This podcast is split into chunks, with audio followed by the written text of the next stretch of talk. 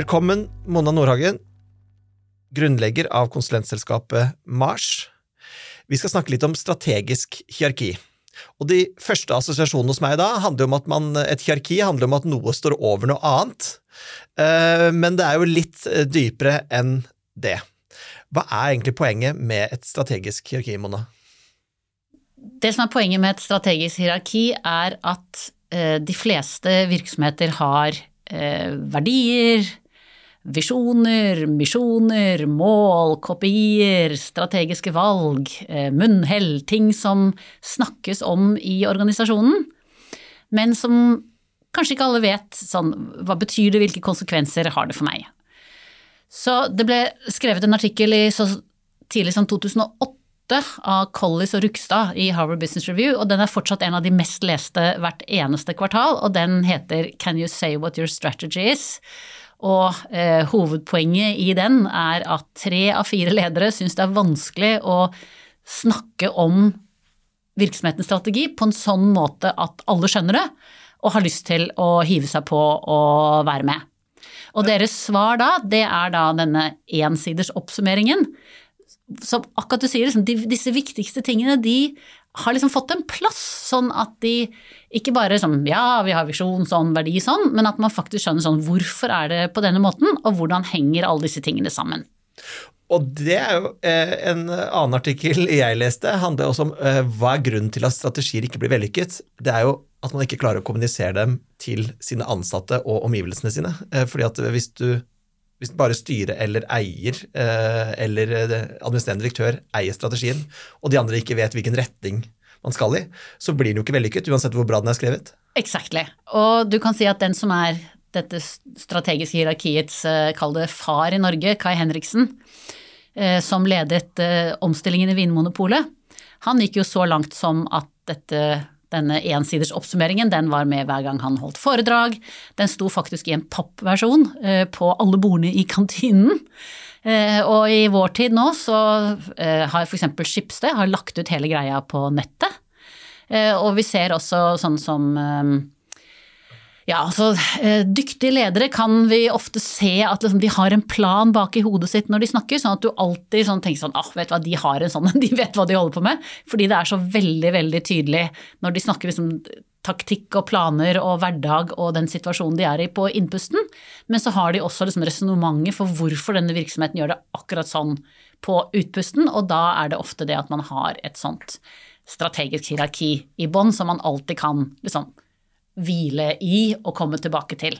Men hvorfor er det viktig eller relevant, eh, spesielt for folk som er opptatt av eh, kommunikasjon, eh, markedsføring, merkevarer eller andre fagfelt for den saks skyld?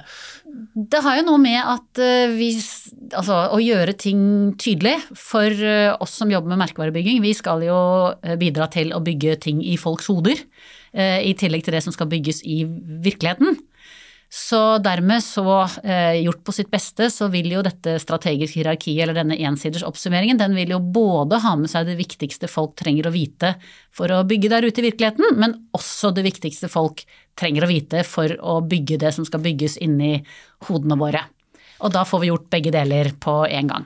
Men for å dekode dette hierarkiet litt, da, hva, som, hva består de ulike elementene eh, av? Det fins ikke noe fasit som sier at akkurat sånn må det være, men eh, liksom, the usual suspects, det er jo gjerne da først en form for misjon eller samfunnsoppdraget, altså hvorfor finnes vi? Eh, så er det Det er gjerne på toppen, og så eh, i bunn har man gjerne en eller annen form for verdigrunnlag, som kan handle om et perspektiv man har på verden, det kan handle om hvilke verdier dette selskapet har. Eh, så det er det vi sier er sånn, hvis vi har satt oss fore å gjøre dette, så er vi den som kommer til å, eller de som kommer til å få det til. Fordi at vi er sånn, vi ser verden på denne måten, vi tror på dette, vi gjør det sånn. Så da har man på en måte toppen og bunnen. Så eh, det neste er jo gjerne da å ha noen det vi kaller noen overordnede mål, som ikke er sånne tradisjonelle kopier, men det handler mer om at hvis vi har satt oss fore å gjøre dette, og liksom med disse verdiene i bånn, hvordan ser da verden ut? Hvordan ser vi ut? Hvordan ser vi omgivelsene ut? Hvordan ser liksom det hele ut? Når vi er på vei til å levere. så er neste da å si ok, da har vi de tre tingene, da trenger vi å si litt sånn hvor, hva gjør oss til oss, og det er disse da strategiske valgene, noen kaller det secret sauce, noen kaller det vår måte. Det er da disse hos oss gjør vi det slik og ikke sånn, hos oss driver vi på den måten og ikke med det. Vi, vi har valgt oss denne typen kunder, vi har valgt dette som våre liksom, ja, whatever. Så det er liksom disse gjerne kanskje fire til seks, jeg har vært med på å lage så mange som åtte, da blir det veldig mange strategiske valg, men det er liksom når man sier sånn Bruk Bruker Ikea, da, som sier eh, eh, du kan lage en boks, eh, og sånn stor sånn boks utpå et jorde, og fylle det med flatpakkede møbler med skandinavisk design som du må bygge selv. Du kan til og med ha kjøttboller i kafeen og ballrom for barna, men det blir ikke Ikea av den grunn. ikke sant? Så det, dette er de valgene som gjør akkurat deg til deg, fordi at du er sånn som du er. Og så til slutt så er det jo da denne berømte visjonen, da, som gjerne er sånn som kan være alt fra en slags sånn utopisk tilstand som denne organisasjonen aldri vil nå, men sånn håper vi at verden er. ikke sant? Skipsted har eh, Society built on trust and transparency. Det kan vi jo alle ønske oss. Eh, og så er det Skipsteds jobb å hjelpe å flytte oss i den retningen, men det kan også være sånn superkonkret. Sånn eh, vi skal slå X, eller vi skal være den største og den beste, eller sånn som Tesla som sier at vi skal bringe verden videre mot liksom, eh, liksom et, et, et ny energisamfunn, ikke sant. Men det de gjør er å produsere biler. Så med de elementene så har man i hvert fall et liksom sett med ting man kan sette sammen. Uh, og så er kanskje det aller, aller viktigste, det er å um, At det skal være ekte og ikke sånn sånne visjon- og verdiprosesser hvor man liksom inviterer alle ansatte inn. Det er fint, det. Men også liksom bare ble det noen ting. Men ikke nødvendigvis noe som er ekte og sant for selskapet og som er retningsgivende. Igjen kan dette stå på kantinebordet og være gjeldende sånn. Mister du jobben hvis du går på tvers av verdiene? Eh, skal du investere i dette selskapet? Skal du utvikle et produkt? Eller er egentlig ikke det i tråd med valgene våre? Osv. Men fins det egentlig noe sånn rett og galt innenfor dette? Altså kan man, uh, Hva er liksom rettesnorene? Uh, kanskje peke på to ting, da. Det ene er nettopp dette med at det må være autentisk. Det, må, det, nytter ikke her å bare hoste opp det som alle andre gjør. Her må man virkelig tenke sånn hva er det som er riktig for oss? Eh, og i det så ligger det kanskje også å ha en prosess hvor man faktisk får involvert. Du kan gjøre det som en skrivebordsøvelse, eh, fordi at alt fins, som eh, vi var inne på, liksom i skuffer og skap her og der. Igjen, det viktigste, det vanskelige er ikke å legge en strategi, det er vanskeligere å huske hvor du har lagt den. Så det allerede fins, det skal bare settes sammen sånn at folk skjønner hva er sammenhengen her. Um, eller så gjelder det da å ha med seg folk som man finner ut hva er sant. Og den andre delen er jo at man må gjøre det huskbart.